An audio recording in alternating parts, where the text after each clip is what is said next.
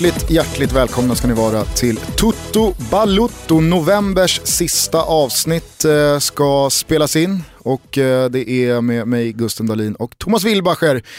Vart det fem getingar som eh, toastmaster på bröllopet i lördags? Nu ska man inte dela ut getingar till sig själv Gusten. Men, det var ju precis det, det du mycket... gjorde förra veckan när du berättade om din eh, toastmaster-historik, att du har alltid fem getingar i betyg. Ja, och så är det väl då, du får fortsätta på det. Men eh, eh, det var ett trevligt bröllop, det måste jag säga. Mm. Hur känns det att eh, ens brorsa gifter sig? Det är ju speciellt, jag är inte gift med han. Eh, han är tio år yngre men han har liksom alltid varit före mig med allting. eh, av, av någon anledning sådär. Eh, kan men, du ge exempel på mer saker han har? Körkort ja. till exempel. Eh, ordning och reda, allt sånt där som jag inte har, har du, han. Han du, fick det. Du tog ju körkort, är det ett och ett halvt år sedan typ? Nej, ett och ett halvt år sedan, det är väl längre jag har väl haft körkort. Max två år. Max två år. Ja, det är nog två år i vinter, du har rätt ja, jag, tyckte det var, det var, jag kommer ihåg det så väl, för att när du hade tagit körkortet eh, så, så messade du, jag var utomlands någonstans på något jobb och så skrev du bara lappen är klar. Sådär som alla som har tagit körkort gör, att man, man börjar slänga sig med uttrycket lappen. Eh, och sen bara någon vecka senare så åker jag med dig första gången. Ja. Och du, eh, Alltså du bromsar in så jävla tidigt när ett lyse slår om från grönt till gult. Så alla hade hunnit med att köra och det hade inte varit några konstigheter. Så då, då, då säger jag någonting i stil med att ja, jäklar vad försiktig du är här i början, eh, att du inte kör på gult. Och du säger bara, nej nej, alltså jag kan inte åka dit på en grej till. Då ryker lappen. Och då hade du haft körkort i typ sex dagar. Du hade redan åkt dit på saker. Så du, du, var, du, var en, ja, exakt. du var en rödkörning från att bli av med körkortet exakt. direkt. Så det var inget taxigrönt eh, överhuvudtaget och det gäller ju fortfarande. Jag kör mycket försiktigt. Ja, ja, det är, det är en sanning med modifikation. Ja, eh, kul att det var bra bröllop. Super! Men det har ju sitt pris också. Man blir ju eh, kanske inte helt utzonad, men eh, att missa en lördag sådär i fotbolls-Europa just nu, jävlar vad man hamnar efter. Ja absolut, det är ju så. Toto Balotto är en aktuell podd. Vi kommer ut eh, flera gånger i veckan och eh, ja, men det gäller att hänga med. Men det var en fin söndag vi fick också. Tur då för dig mm. att jag ska svepa lite senare. För då kan ju du precis Perfekt. som alla våra lyssnare catch up. Om Exakt. man nu har varit på bröllop eller eh, svensexa eller vad det nu kan vara. Mm. Eh, allt bra annars? Jättebra, förutom att jag är otroligt eh, svullen om buken. Mm. Eh, det hände ju någonting väldigt tragiskt på, på bröllopet. Att eh, knappen på byxan, kostymbyxan, den sprack ju. På riktigt alltså. Men vi ska alldeles strax göra någonting åt det där. Ja! Vi kan väl bara säga så till våra lyssnare. Exakt, det, nu, nu i december så ska vi i alla fall göra ett ärligt försök. Som eh, många säkert redan vet, som vi har snackat om förut, så gästar eh, Disco Kristoffersson oss på torsdag. Därför så sparar vi eh, allt smaskigt som finns gällande den svenska fotbollen till dess. Så får Daniel vara kapten på det skeppet, så tror jag att det blir jättebra. Jag kan dock bjuda på en liten nugget, jag vill inte hänga ut med namn här, men jag nåddes av en riktigt härlig anekdot från Fotbollsgalan förra veckan. Jaha. En allsvensk tränare eh, var bra i gasen. Eh, och, det är eh, många som brukar vara bra i gasen. Ja, det är ju inget, det är inget konstigt i sig då. Men då var det en, ehm, en, en, en kille som vi båda känner som eh, då hjälpte den här tränaren eh, in i en taxi. För okay. att han skulle hem. Ja. Eh, och han kunde liksom inte ta sig in i taxin för egen maskin.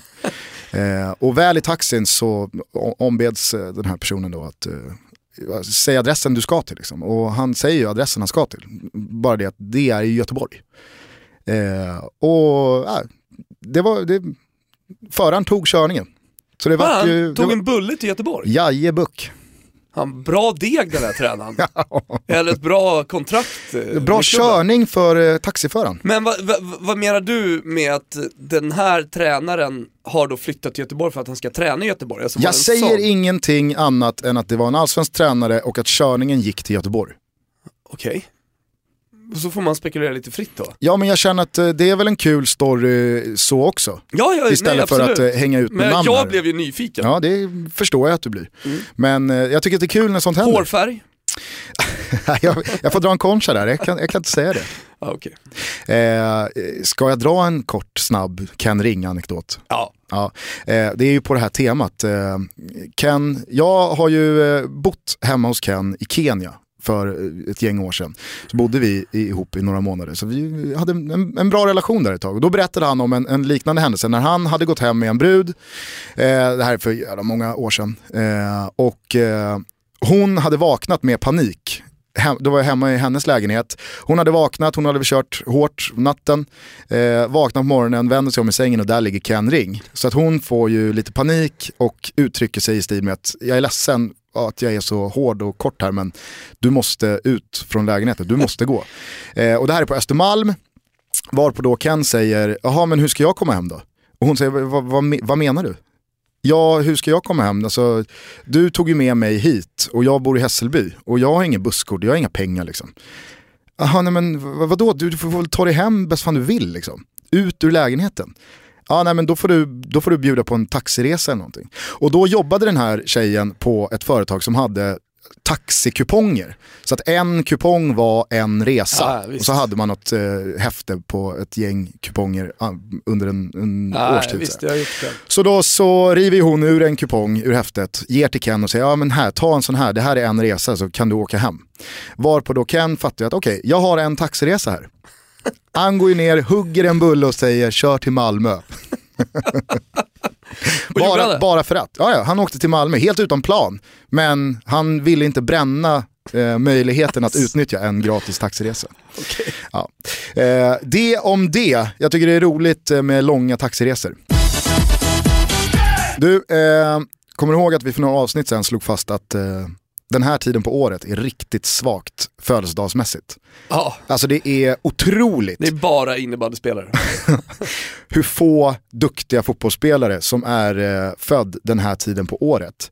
Eh, och jag vill minnas att vi slog fast att den dagen i, i, för några avsnitt sedan var den svagaste hittills. Alltså den här dagen, den 28 november, är, det är helt otroligt hur eh, profilfattigt det är. Den enda jag tycker är värd att nämna i sammanhanget, han fyller idag 36 år, vi säger grattis till Stuart Taylor. Ständig andre slips. Ja men det går verkligen inte att uh, överdriva det epitetet du ger honom. Vet du hur många tävlingsmatcher Stuart Taylor har spelat sen tävlingsdebuten på seniornivå 1997? Oh, det är väldigt få. Så jag säger åtta. Ja, men åtta är ju, alltså, lite får du ju tänka till. Ja. Nej men kör då. Han har spelat 75 fotbollsmatcher på 19 år. Det är inte mycket. Alltså det är helt otroligt. Han, har inte, han gjorde totalt 18 matcher för Arsenal mellan 97 och 2005. Sen dess så har han inte spelat mer än 12 matcher för något lag. Han har då, för att verkligen understryka hur lite han spelar, har han spelat sju matcher senaste sju åren. Ja, det är otroligt. Och ändå vet man ju att Stuart Taylor, som fortfarande tillhör en Premier League-klubb, nu Southampton, han sitter där och tickar in, kan det vara en eh, 400 i veckan? Garanterat. Det är väl inte, det är väl inte överdrivet? Nej. Han har tillhört Manchester City, Aston Villa och Arsenal. Då har man ju tillräckligt på meritlistan för att vid förhandlingsbordet säga okej, okay, ge mig i alla fall 400 000 i veckan. Mm. Han har rutinen, han har lugnet och han är helt fin med att sitta bakom första keeprarna. Ja. Jag fascineras ju över målvakter som nästan aktivt väljer att eh, vara reserv. Ja, ja, det finns ju en italiensk målvakt som faktiskt skrev en bok om det här. Eh, alltså, mitt liv som andra målvakt. Mm. Eh, han, han kom, Jimmy Fontana, han kom till eh, Torino 2002 eh, och sen så gick han till Novara 2009, men det var ändå sju år i, i Toro. Och han ser sig lite som en hjälte mm. i, i klubben, men han har spelat 16 matcher. Ja. På sju år. Ja men det är helt otroligt. Ja. Vi pratade ju om för någon månad sedan om de här keeprarna som ändå håller igång efter avslutad karriär för att man vet att just målvaktspositionen krisar ibland för på den stora scenen och då blir Magnus Hedman aktuell för Chelsea eller vad det nu kan vara. Men det är ju målvakter som har spelat också under sin karriär, varit bra kompetenta målvakter och sen så kanske två år efter avslutad karriär ändå tar den här sista chansen för den dyker upp på grund av skador. Ah. Men Stuart Taylor tillhör ju det här klustret av målvakter Som, gillar att vara andra Ja, men som nästan aktivt verkar ha valt att nej, jag vill inte gå ner en division och vara första keeper och spela 40 matcher per säsong. Utan jag trivs ganska bra här på Arsenals bänk. Vem skulle inte göra det? Fast det är väl ändå superintressant hur du som fotbollsspelare inte har drivkraften att faktiskt vilja spela. Utan då, ja, men jag sitter bakom David Seaman, jag sitter bakom Jens Lehmann, jag sitter eh, bakom Almunia, eller vilka det var han hade framför sig i Arsenal. Sen går han till Aston Villa och sitter bakom Shay Given och Brad Goosen. Och sen så går han till Manchester City och vet att John Hart, eh, eller Joe Hart spelar. Jag kommer bara sitta tvåa här. Och nu har han gått till Southampton där Fraser Forster är king. Så att, vet, han har ju aktivt valt att det blir kanske en match den här säsongen. Max två. Det finns ju ett, eh, en svensk motsvarighet här, Abbas Hassan. Elfsborgs eh, andra keeper. Han har ju, alltså i hela sin karriär, jag tror han är född 87. Eh, han fyller snart 30 bast. Han har gjort en säsong tror jag, som första keeper. Då gick han på lån eh, till Norrköping. Men han gick ju tillbaka till Elfsborg. Trots att, okej här står, eh, i, i, för många år sedan så var det ju, det var ju Ante Kovic. Och sen så var det Kenneth Höje och det var Kevin Sture Ellegard. Så att han, han, han vet ju vad det är som gäller. Han vet att han går in i säsongen som tvåa och han verkar ju helt fine med det.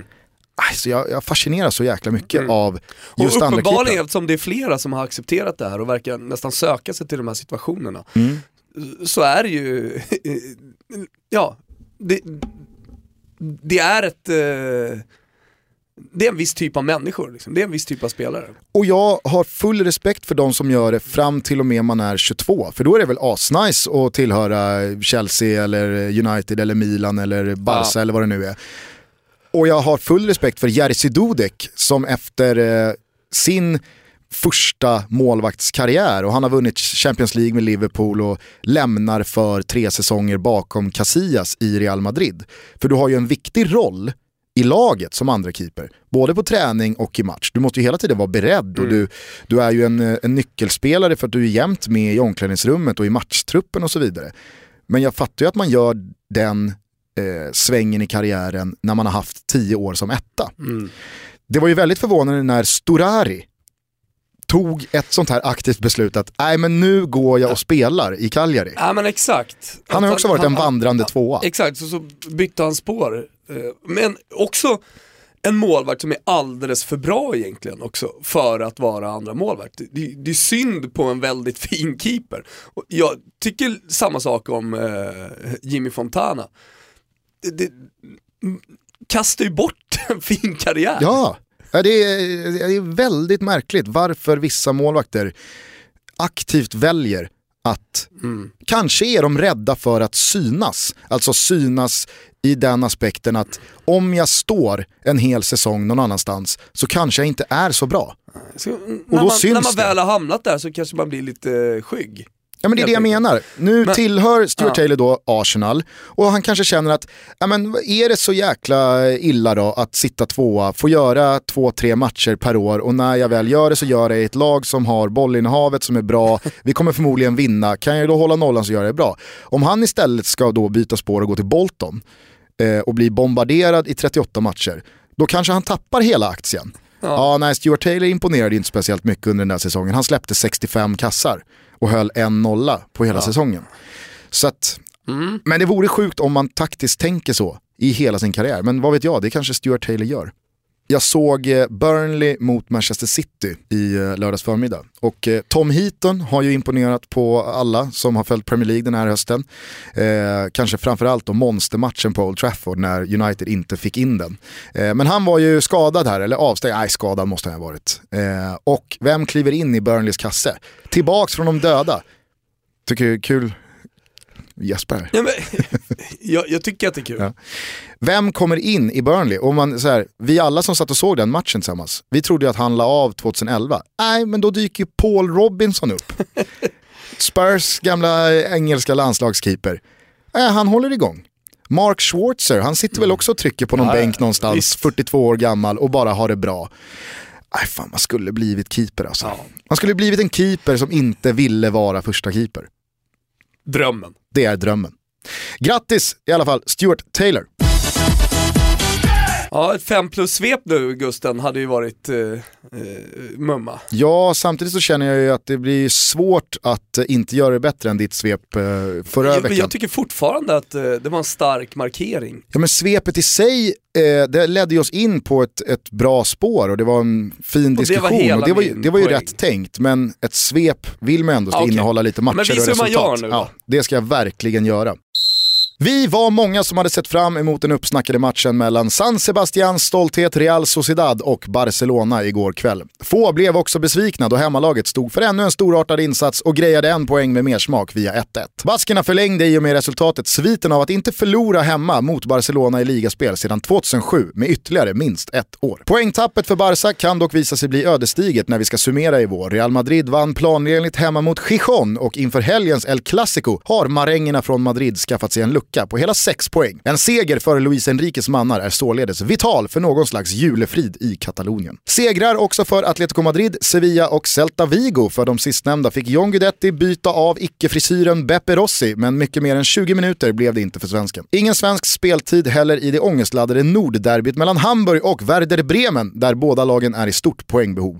Albin Ekdal dras fortfarande med ljumskbesvär och Nabil Bahoui fick återigen ta plats på läktaren. Matchen då? Jo, 2-2 var såklart bättre än en förlust just, men HSV, Rothausen, äntrar nu december, årets sista månad, utan en enda seger i ryggsäcken. Aj, aj, aj. Olycka även för Borussia Dortmund som efter en halvknackig säsongsinledning såg ut att ha varvat upp i jakten på tabelltoppen, men som i lördags åkte på en ny torsk borta mot Eintracht Frankfurt med 2-1. Frankfurt som också får betecknas som ett succélag den här hösten och som nu innehar en Champions League-plats huserar ju svenske Branimir Ergota. Han fick dock hoppa in bara den sista sekunden av matchen och Branne jagar fortfarande sitt första ligamål mål i sin nya klubb, trots nio framträdanden hittills, fem starter och fyra inhopp. Leipzig hade genom ännu en seger och nya Forsberg-assist satt press på Bayern München att vinna mot Leverkusen. Sagt och gjort, vinst med 2-1 för Ancelottis gubbar och det två hästars race som det här ser ut att bli nu lär kulminera dagarna innan jul då man möts i München. I Italien hade nog många med mig räknat in ännu en ligatitel till Juventus efter förra helgens resultat. Men hör och häpna, Genoa smällde in tre kassar på en knapp halvtimme och den gamla damen inkasserade i och med den käftsmällen sin tredje tredje förlust i ligan och återigen en lucka på bara fyra poäng ner till firma Roma och Milan som båda tog planenliga segrar mot Pescara respektive Empoli. Där bakom tog Lazio och Torino nya viktorier och Atalanta seglade hem sin sjätte raka ligaseger. Spelarna tog sig emot som hjältar på flygplatsen i Bergamo när man kom hem från Bologna och nu börjar man drömma om att till och med förlänga raden av vinster i nästa omgång borta mot just Juventus. I England stal återigen Mourinho rubrikerna efter ännu ett ineffektivt kryss, den här gången mot West Ham och ny uppvisning på läktaren. Alldeles för hårt menade expertisen, men faktum kvarstår. Ångesten, stressen och pressen börjar så sakta äta sig in under portugisens skinn. Hans gamla lag Chelsea vände och vann mot Tottenham och Pochettino avslutade en mardrömsvecka med att inkassera säsongens första ligaförlust. Argentinaren ifrågasätts nu för första gången under sin tid som manager för Londonlaget och en seger i nästa omgång hemma mot Swansea är vital. Swansea var det ja, omgångens galnaste match spelades i Wales då Svanarna välkomnade Alan Pardews Patsa Palace till Liberty Stadium. Christian Benteke smällde in 4-3 för gästerna i den 84 minuten och Swansea hade där och då tappat en 3-1-ledning och var på väg mot en ny torsk när den gamla lejonkungen Fernando Llorente visade att gammal kan en. Två mål på övertid från spanjoren säkrade Swanseas blott andra seger för säsongen och Palace sjönk ytterligare i tabellen.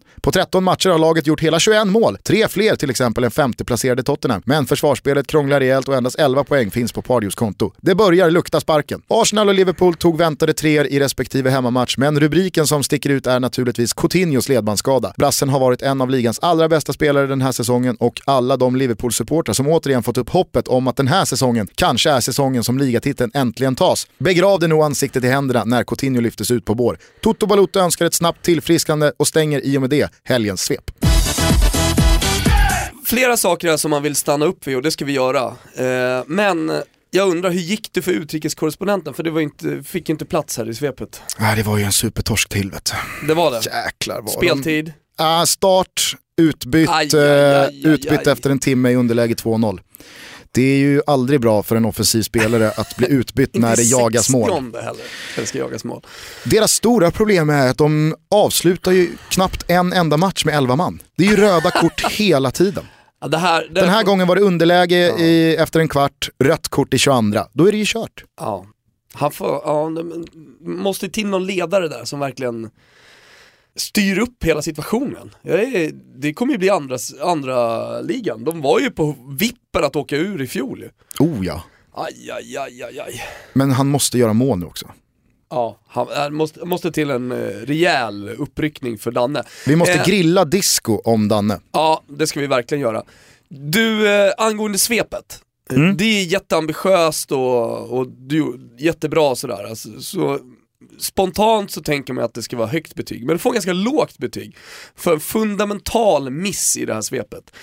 Och det är ju att, att du inte respekterar tidsgränsen. Nej, jag kände det också. Ja, Samtidigt det så är- ville jag hämta Det hem... är, jo fast det- det blir för detaljerat.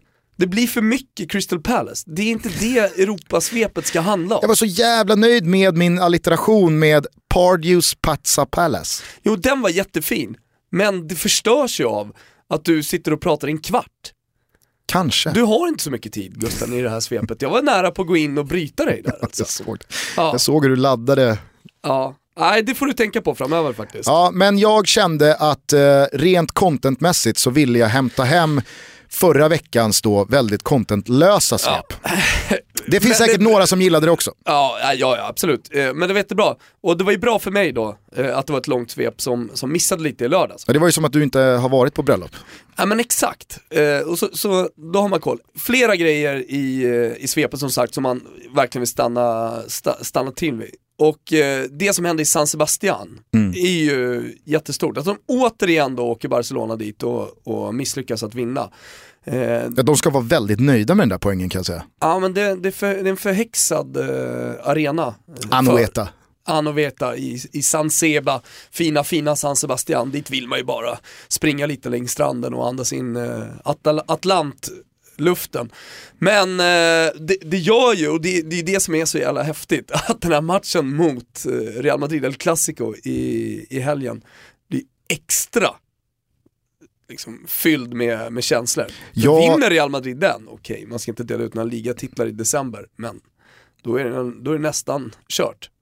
Ja, jag menar, det är ju dessutom så att Atletico Madrid har nog tappat ganska eh, många av de poängen de kommer tappa den här ligasäsongen. De kommer inte stanna. Eh, nu blandar sig ju Sociedad och Sevilla med på allvar. Jag har nog svårt att se Sociedad orka hela vägen in i vår, men Sevilla kan ju absolut haka på toppstriden. Och som du säger, kan Real Madrid vinna den här matchen, eller i alla fall klara ett kryss, då kommer det bli svettigt för Luis Enrique att inte gå rent. Ja, problemet är ju att eh, Real tappar inte så många matcher. Nej, de vinner ju utan att imponera fortsättningsvis. Ny sån match Ja. i helgen Det- det när man slår Gijon. Det börjar nästan bli lite av en prägel för Zidane. Det, det, det ska inte se bra ut. Nej, men samtidigt så är ju Real Madrid en sån klubb där det inte bara räcker med tre poäng. Absolut. Så att vi får väl se hur länge Zidane faktiskt klarar sig undan den värsta kritiken. För att det är inte bara du och jag som tittar på Real Madrid den här säsongen och undrar när ska det verkligen börja lossna. Men det är samtidigt svårt att ifrågasätta ett lag som radar upp. De har inte förlorat sen i april. Nej.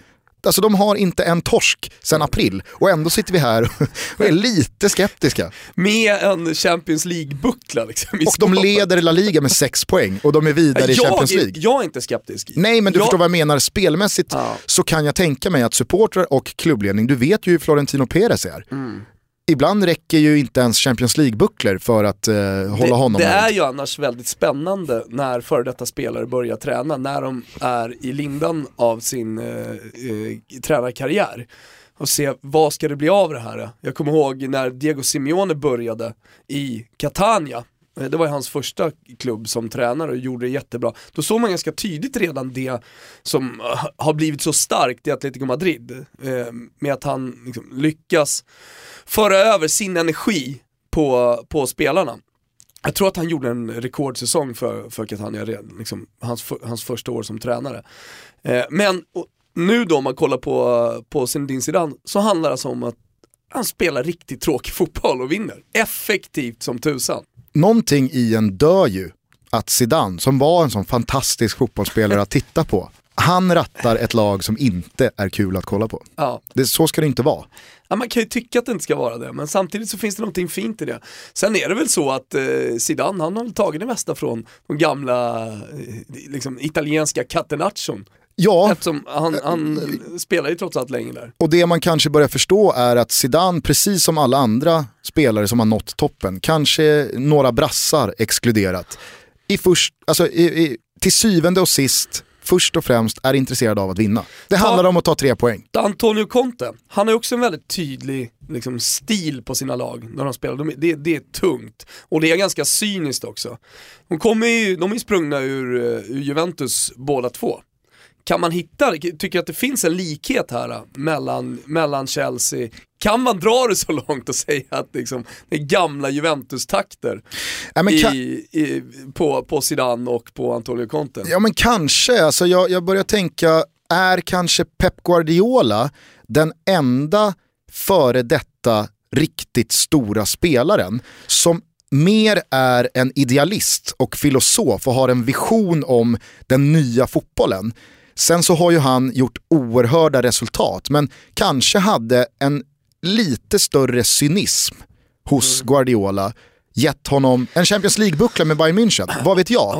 Eh, Medans Pep då- Guardiola pratar ju ofta om att han har tagit eh, liksom mycket från Matsona, Det är ju den tränaren han hyllar som, som absolut inte, han, var, han är en stor tränare och en legendar inom italiensk fotboll men man hade egentligen aldrig några riktigt stora lag. Det var ju Brescia som, som Pep Guardiola mötte honom så att säga. Jo men förstår du min tankebana här att Pep Guardiola kanske är undantaget som bekräftar regeln att när det kommer till tränare idag som har varit stora spelare så handlar det först och främst om att ta tre poäng. Det är det viktigaste. Medan de här idealisterna som eh, har en vision om framtidens fotboll, de är i större utsträckning inte före detta toppspelare. Och det kan man ju Fast hitta till och med. är ju för detta toppspelare. Exakt, och det var ju därför jag sa Ja. att han är undantaget som bekräftar just det. regeln. Ja. Annars kanske det är så att de som eh, bedriver en fotboll som utmanar normerna, som, som eh, leder oss in i framtiden. Det är spelare som kanske inte, eller det är tränare som kanske som spelare inte nådde toppen eller kanske inte ens spelade överhuvudtaget. Jürgen Klopp till exempel, det var ju ingen stor spelare. Han spelade okej, men han är ju som tränare någon som pushar gränserna, som har en, en vision om att så här kan man också spela fotboll, det här vill jag praktisera. Medan de största tränarna idag som också var riktigt stora spelare, alltså typ Zidane, Conte och så vidare, Deschamps, det är, det, det är gubbar som först och främst Nej, alltså det handlar om att vinna. Sen kan vi ta hur det ser ut. Kolla bara på då i, i, i Sverige. Vilka är visionärerna? Ja, det är Graham Potter. Potter. Det är inga spelare. Det är liksom Jimmy Thulin, vem är det? Men de som har en riktigt bra karriär, Henke. Alltså, där har inte jag sett någon, eh, någon vision om att eh, nu ska vi spela den här fotbollen, kosta vad det kosta vill. Förstår du lite hur jag tänker? Absolut. Sen säger inte jag att det är så, men det slog mig nu att eh, Du kanske har någonting på gång, ja. vi får testa det på lyssnarna se hur de reagerar. om vi bara ska gå tillbaka till matchen, eh, Sociedad mot Barcelona, så måste jag säga att Real Sociedad har nog gjort det tränarskifte på 2000-talet med bäst effekt. När man då valde att sparka David Moyes, som aldrig borde ha kommit dit, och tog in då Eusebio. För att satan vad han har fått ordning på det här laget och han får ut den kapacitet i det här laget som Moyes och säkert många andra misslyck hade misslyckats med. Att få ut. Man ser ju väldigt, väldigt bra ut och, och spelare som eh, Preto och Carlos mm. Vela och jag menar den här brassen man har hittat, mm. Eh, William José, klassspelare rakt igenom. Mm. Och nu sitter man inte längre och tittar på de här spelarna, typ Sabi Preto eller Carlos mm. Vela och tänker, det där, det finns, mer att ta, det finns mer att ta av där. Mm. Utan nu är det så här, ja, nu blommade ja. de upp här.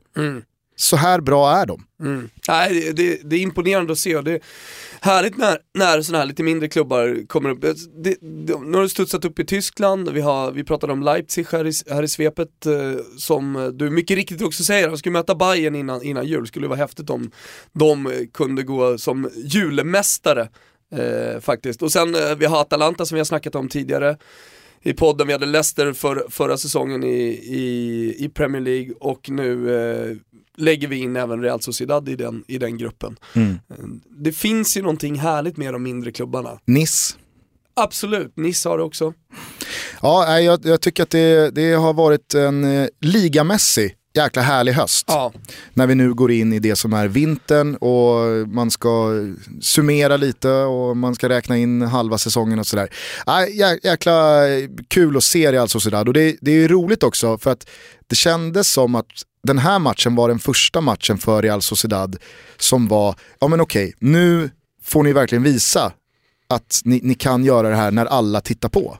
Ja. Fram till den här gången så har ju mötena med Barca varit lite allt att vinna.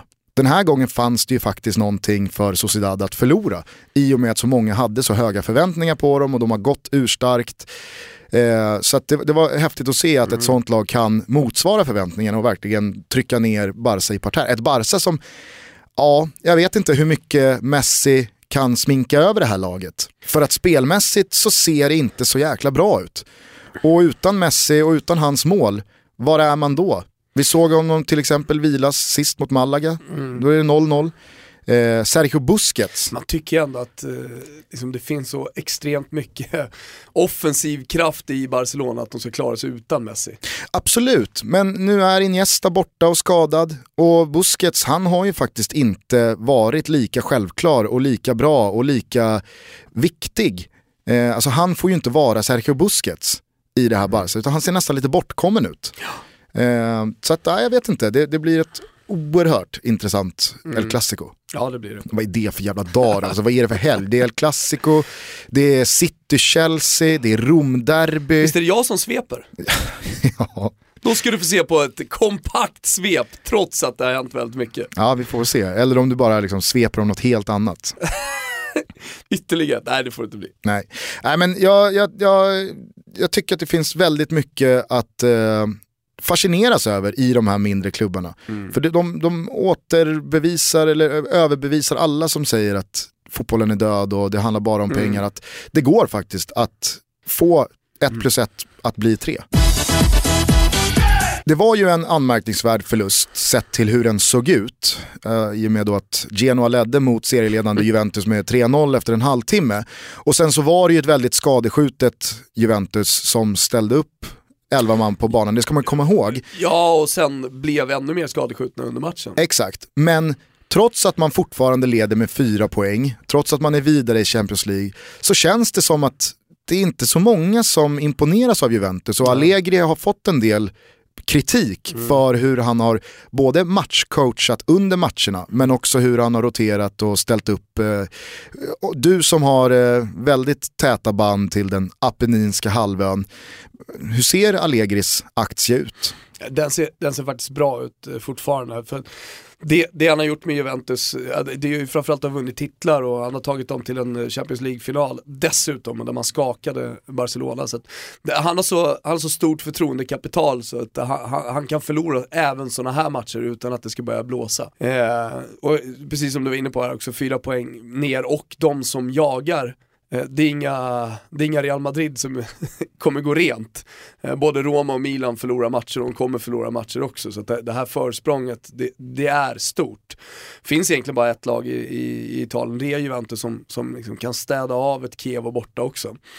Eh, så jag tror att det är mer en, en liten bump på, på vägen mot, eh, mot det här guldet. Däremot så det, kan man ju tycka att det är lite intressant bakom att se att Milan eh, ändå är där eh, och aspirerar i all högsta grad om en Champions League-plats. Och framförallt så tycker jag det ser ganska bra ut i Milan. Ja, jag vet inte, du var ju mitt uppe i bröllopsmiddagen då i lördags, men när Milans startelva kom mm. inför matchen mot Empoli så twittrade jag ut en bild på den startelvan utan namn. Mm. Och så skrev jag bara att det här kan mycket väl vara det svagaste Milan som jag har sett under min livstid. Eh, och så fick jag ju då väldigt mycket medhåll, bland annat då från Noah Bachner, Toto Balutto-favoriten, som skrev skrev att jag hade, om jag inte hade sett att Donnarumma stod i mål så hade jag inte kunnat säga ifall det här är Milan eller Helene Lund. Men från Milanisti och från Italienkännarna mm. så var det ju absolut en, en felformulerad eh, tweet. Jag borde ju såklart ha skrivit svalaste och inte svagaste. För att resultatmässigt och så som de spelar på plan så går det ju inte att säga någonting om eh, huruvida kompetenta det här Milan är. För det är, där är de ju jättebra. Men rent startelvemässigt så är det det svalaste Milan jag någonsin har upplevt. Ja, nej men det Milan håller på att göra nu och det man kanske borde ha gjort för några år sedan också eh, redan, det, det, är att eh, återgå till, eh, till någon slags eh, ja, men grund eh, och, och, och, börja bygga upp det här på, på egna talanger och unga spelare. Eh, där, där, finns, eh, som du nämnde, Donnarumma, där finns också Locatelli. Eh, man har Romagnoli i, i backlinjen som visserligen är fostrad i Roma men som är en ung italienare och redan i landslagssammanhang också. Ja, och jag påminner återigen, jag, jag, jag, mm. jag menade aldrig kompetens mm. och nej, potential och sådär, nej, men, men Grande Milan ja. blir ju inte meritmässigt mm, svalare än men, så här. Men det, och det, men det är det jag tycker att Milan gör helt rätt i nu. Och det är ja, därför Berlusconi, Berlusconi helt plötsligt eh, har börjat bli intresserad av klubben igen. Nu, nu ska de ju sälja den 13-14 där eh, till, till kineserna, det är closing day. Eh, och då, då svarar Berlusconi med att äh, men, äh, bolla upp sig själv som en Eh, potentiell ändå framtida president också. Och nu har man ju redan avtackat honom, eh, kurvan, haft banderoller och alltihopa. Han får kalla fötter Nu är han sugen igen. Nej, men jag, det jag tror att han ser, det är lite av det han skapade eh, på 80-talet när han tog klubben och liksom byggde den här vinnarmentaliteten och, och det här fantastiska laget som, som städade av eh, ja, med alla lag, till och med i, i mest gamla Champions League, eller gamla mästarcupen. Eh, det slog man väl eh, Real Madrid med 6-0 i semifinalen och sen så vann man finalen stort också sen. 4-0. 4-0 ja, exakt. Och när han ser då De Chilio, Donnarumma, Locatelli, Bonaventura. Och Lappa-gubben. och Lappa-gubben. Fick ju göra mål. Två. Ja. Så att eh, San Siro, jag höll på att säga, nu spelar de inte på San Siro men Eh, bortafansen fick i alla fall eh, bli, bli glada. Nej men eh, jag, jag, förstår honom, för han känner igen sig i det här. Och eh, det ska ju bli oerhört intressant att se liksom, vad kineserna vill. Eh, och där handlar ju väldigt mycket om liksom, vem kommer vara sportchef fram, framöver. Eh, nu är ju Galliani fortfarande där. Men eh, det talas ju, det ryktas väldigt mycket om eh, Paolo Maldini, man, man, vill få in en, en före detta spelare, en, en, en klubblegendar som, som nyligen har eh, slutat. Men, men, att man ska bygga vidare på det här, alltså att man inte bara spenderar de här pengarna så att man återgår till ja, men det som egentligen var eh, en eh, Ja, man gick vilse helt enkelt. För, för, men men du, jag förstår också Galliani och problematiken. När man har haft hur mycket pengar som helst att röra sig med och kunnat köpa de bästa spelarna i världen och att helt plötsligt inte ha det och sen ändå försöka men då blir det som att man lurar sig själv lite och framförallt så lurar man fansen. Men är det inte det också som kittlar en mest med det Milan håller på med? Att Milan är ju kanske den enda klubben i den europeiska fotbollen just nu som kan bygga från grunden med egna unga talanger och veta att flyger det här så riskerar vi inte att bli sönderköpta för att vi är Milan. Förstår du hur jag tänker? Ja. Sassuolo eller Atalanta, Ja, de kan göra det här i en säsong eller två säsonger, men det kommer sluta på samma sätt. De tre, fyra, fem bästa spelarna kommer försvinna, för i slutet av dagen är Sassuolo eller Atalanta bara Sassuolo eller Atalanta. nej, Gör Real. Sociedad en supersäsong Mm. här nu och eh, ta sig in i Champions League eller vad det nu kan vara. Det, det, det kommer funka en säsong till, max. Sen så kommer de bästa spelarna försvinna. Och så kommer det bli, eller i rent ut sagt har blivit för Leicester. Jag har svårt att tro att eh, de bästa spelarna i Nice Ja, kommer vara kvar. Du, du fattar hur jag Ja, tänker. Ett motbud har jag och det är nog fan Leipzig. Alltså de sitter är också inne på cashen. samma potential, att de, har inte, de, har de har ingen historik att tala om att eh, de är nej. Grande Milan. Men där finns det ju en känsla av att jag ska, ing- jag tror inte Emil Forsberg för en sekund har tänkt tanken att lämna Leipzig. Och jag tror, jag tror på honom när han uttalar sig om Bayern att nej, jag ska inte till Bayern. Jag, jag vill stanna i Leipzig. Mm. För att de har någonting så jäkla på riktigt Mm. på gång. Och där är ju Milan unika i sitt Det läge de är. intressanta är att de har någonting på riktigt på gång i en klubb som många inte tar på riktigt på grund av att det, det, det är Red Bull. Men alltså det, det sportsliga har man ju, det, det är en öppen dörr eh, men, eftersom man leder ligan. Men, men om man tar det ännu större, liksom, det, man, det du är inne på här nu, hur, hur ser det ut inför framtiden? Ja men då har man ju redan byggt um, upp de här grundpelarna som klubben kan stå på eh, för att eh, det ska fortsätta att födas framgångar. Och pratar man Milan så är jag helt övertygad om att även fast det här slutar med en femteplats, om det nu skulle göra det, så vill inte Donnarumma någon annanstans. Han Nej, vill nej. stå i Milan. Locatelli vill inte någon annanstans, han vill vara kvar i Mm. Milan. Romagnoli vill vara kvar i Milan, hur bra han än är den här säsongen. Och så kanske det lockas med något bud då från City eller Real Madrid eller Bayern München eller vad det nu kan vara. Nej, jag vill vara kvar i Milan. Mm. Och Milan är ju en av få klubbar som kan stå upp mot Juventus Mm. i den aspekten. Eh, att spelarna inte försvinner dit. Mm. Eh, så att, aj, aj, fan, det, det kittlar kring Milan och jag vill återigen trycka på att det är det svalaste Milan man har sett liksom, tyngdmässigt. Ja. Men Men, det är ju också, det är potentialen också för att många av de här orubblig. spelarna är unga. Mm. Och eh, alltså man underskattar kanske lite namnen. Eh, om vi... Ja, men Lappadula, ta- alltså, det är så jävla, det är kul att säga. Ja, men kanske om fem år så pratar vi om världsspelare, jag vet inte. Nej, nej, absolut. Ja. Men det är ju det är ju symbolvärdet vi pratar här. Ja, ja verkligen, jag håller, jag håller helt med dig. Det, det ser ju svalt ut såklart, om man bara tittar på namnen. Men då får väl alla lära sig de här namnen då? Plugga in Milans startelva, eller hur? Ja, och Det är väl det, det är väl superintressant att hitta de här. Vilka, vi, du, du nämnde han brassen i, i Real Sociedad. Här har en hel startelva uppenbarligen. Ja, och det, Som Noah kan plugga på. och det gäller samma sak, alltså, fan ta på riktigt att Emil Forsberg har högst betyg i Bundesliga och har tagits ut i Kickers veckans lag flest gånger av alla. Werner på topp där också. Alltså det är ingen snubbe som har en bra period och sen kommer svalna av. Precis som Donnarumma inte är en målvakt som eh, gör en kanonperiod och sen kommer gå bort sig och bli Stuart Taylor och sitta bänk i 16 år. Ja, den, den är väldigt hög, eller det är väldigt högt det oddset. Ja men i din spåkula har ju du till och med frågat dig själv, kommer säsongen snart då Donnarumma inte släpper in ett enda De har mål? ju en tredje målvakt i Milan, som också är så ung som eh, Donnarumma, jag tror han är något år yngre till och med. Det måste ju vara tufft att vara den tredje målvakten som är en supertalang som redan då, trots sin unga ålder, har flyttats upp i A-truppen, är med och sitter på bänk, men vet att framför mig här har jag en kille som om han inte blir skadad, om jag stannar kvar i den här klubben, kommer inte jag spela match. Nej. det är 20 år. Kanske är lika bra att han kollar då mot Stuart Taylor och tänker, fan det, det där ser ändå ganska bra ut. Ja, han kanske ska ringa Stuart Taylor och bara få en liten pepp att det, är- det är väl inte så fel. Nej. Det är väl inte så fel att sitta bänk på San Siro i 20 säsonger. Stuart Taylor kommer ju säga, nej kör Men vem- Kör gubben. Här, här måste vi ha, vi får ta hjälp då av eh, våra fantastiska lyssnare, hörni. Eh, in i hashtaggen Toto. Vem är den målvakten som ändå agerat på toppnivå, det, det måste vara en första liga som har gjort minst matcher? Ja, alltså, Stuart Taylor kommer vara högt där uppe. Ja. Högt där uppe.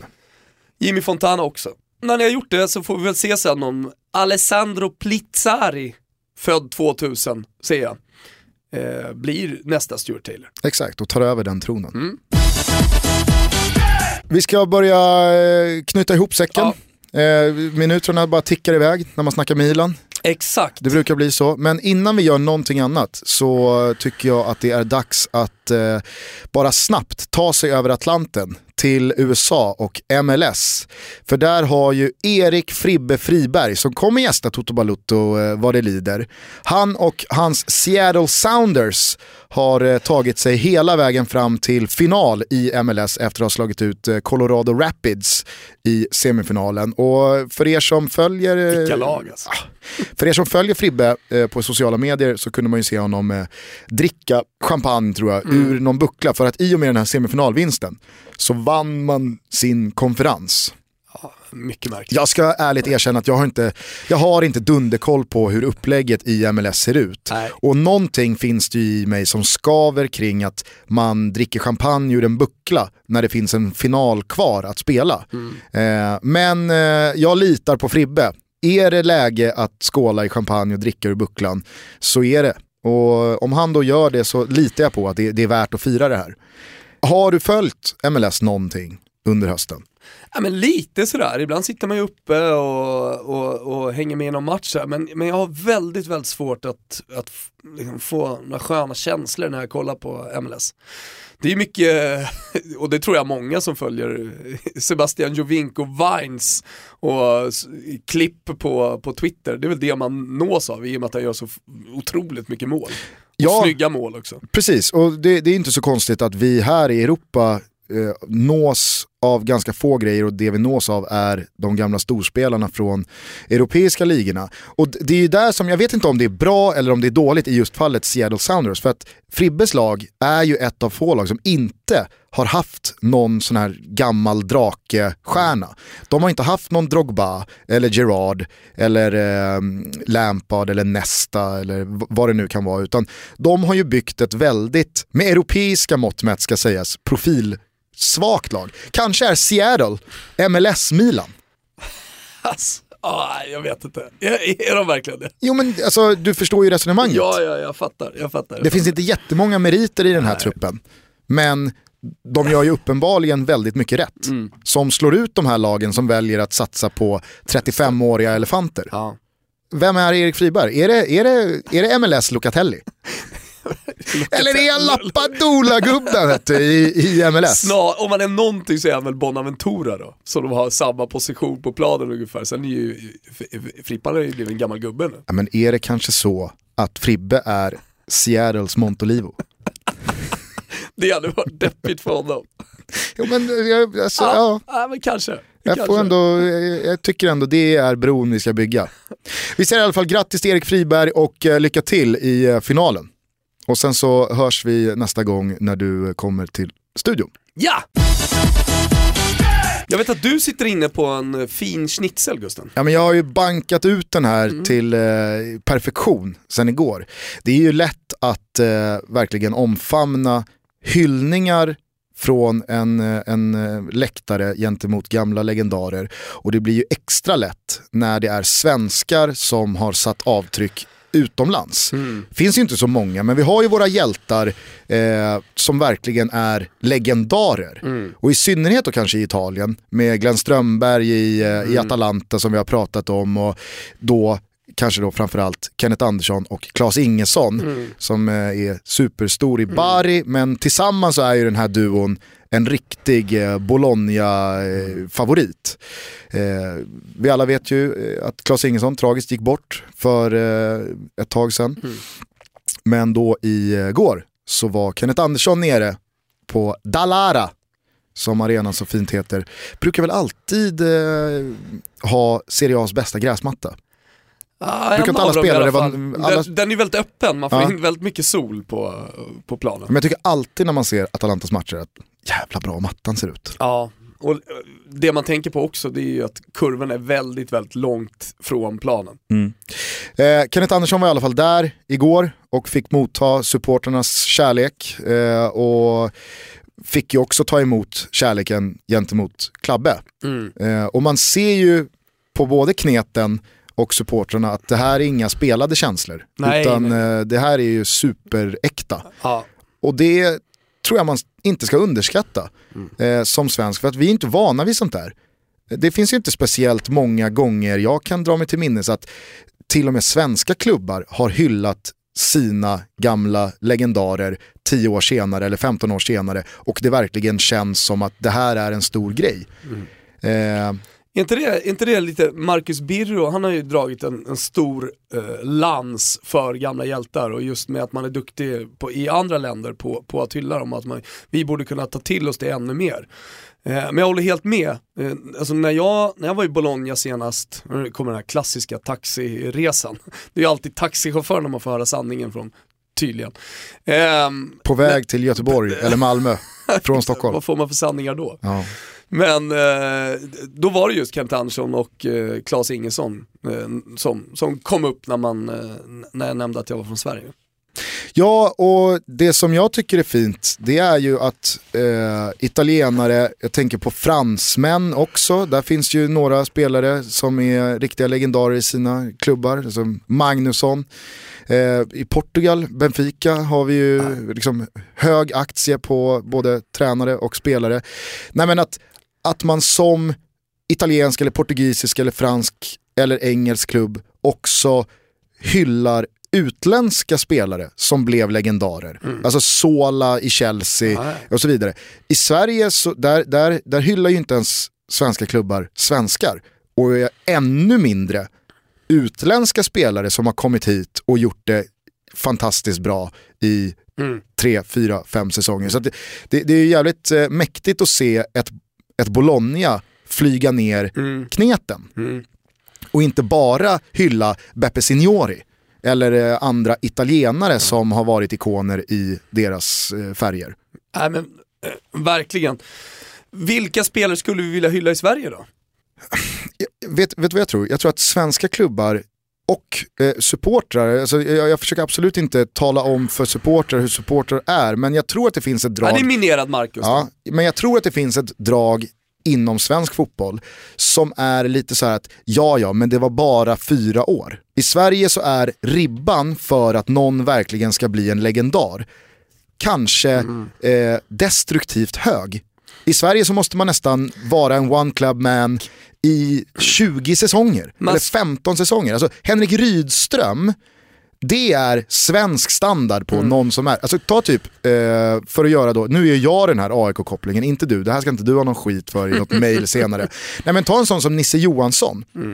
Han har varit i AIK i nästan 10 år och lagkapten sen Tjärnström la av. Och det känns faktiskt inte som att speciellt många utanför AIK tycker liksom att wow, Nisse Johansson, fan vad mycket bra han har gjort för AIK ändå. Utan det, hans eftermäle kommer inte bli så stort för att i Sverige så är måttstocken orimligt eh, tuff. Är det så att eh, Ponne, om man skulle sluta i Leeds i januari, gå till en annan klubb, Så hade han kunnat- ändå ha legendarstatus. Han hade kunnat komma tillbaka efter tio Få år. äta på restaurangerna. Han hade ju någon bra italienare där, Ja. gratis, för resten av livet. Äh, sen var det inte kanske samma nivå som på den i Burlöv Center, men det var en okej italienare.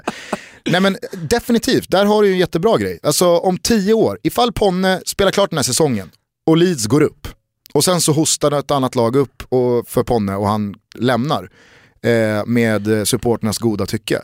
Så är jag helt övertygad om att om 10 år, om 15 år, så är han en, en, en myt, Ja. en, en legend. Eh, Hur mycket längtar du tillbaka till Burlöv? Eh, Inte ett dugg. Alltså, eh, inte Är det kallaste promille. centrumet i, i, i Sverige? Ja, det är nog den kallaste platsen på jorden. Är det sämre än Vällingby centrum? Ja, Vällingby har ju, har ju någonting i alla fall.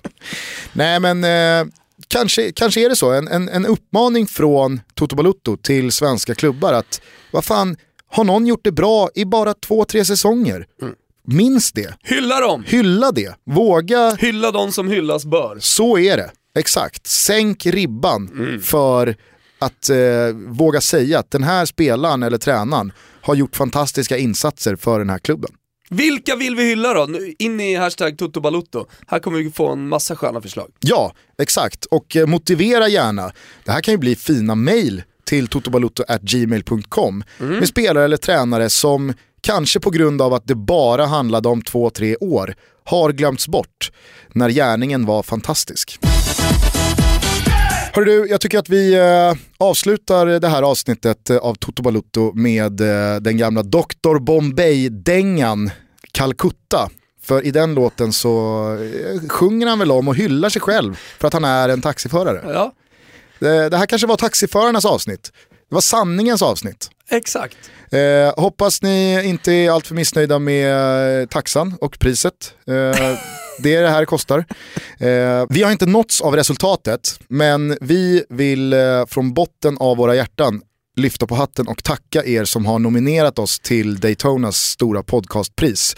Förhoppningsvis så är vi Tack en för att av ni fem. stod ut. Ja, eh, men värre kommer det bli om vi nu är en av de av fem fem. poddar som går till final i eh, kategorin sport och fritid. Gör också så att eh, ni hör av er eh, till oss på ett eller annat sätt eh, om ni har några frågor till Daniel Disco Kristoffersson Ja. som gästar oss på torsdag. Skjut högt och lågt och brett. Eh, Känslan är att det blir ett långt frågesegment. ja, det i- kommer bli, eh, det kommer bli telefonboksbingo och ett frågebatteri. Ja, verkligen. Den anekdotlådan ska öppnas och den ska det grävas djupt i.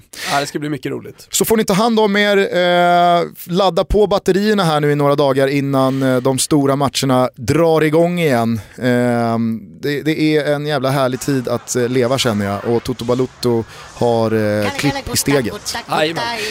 Ta hand om er själva så Ciao, hörs vi. Ciao, ciao, ciao. I am a taxi driver man.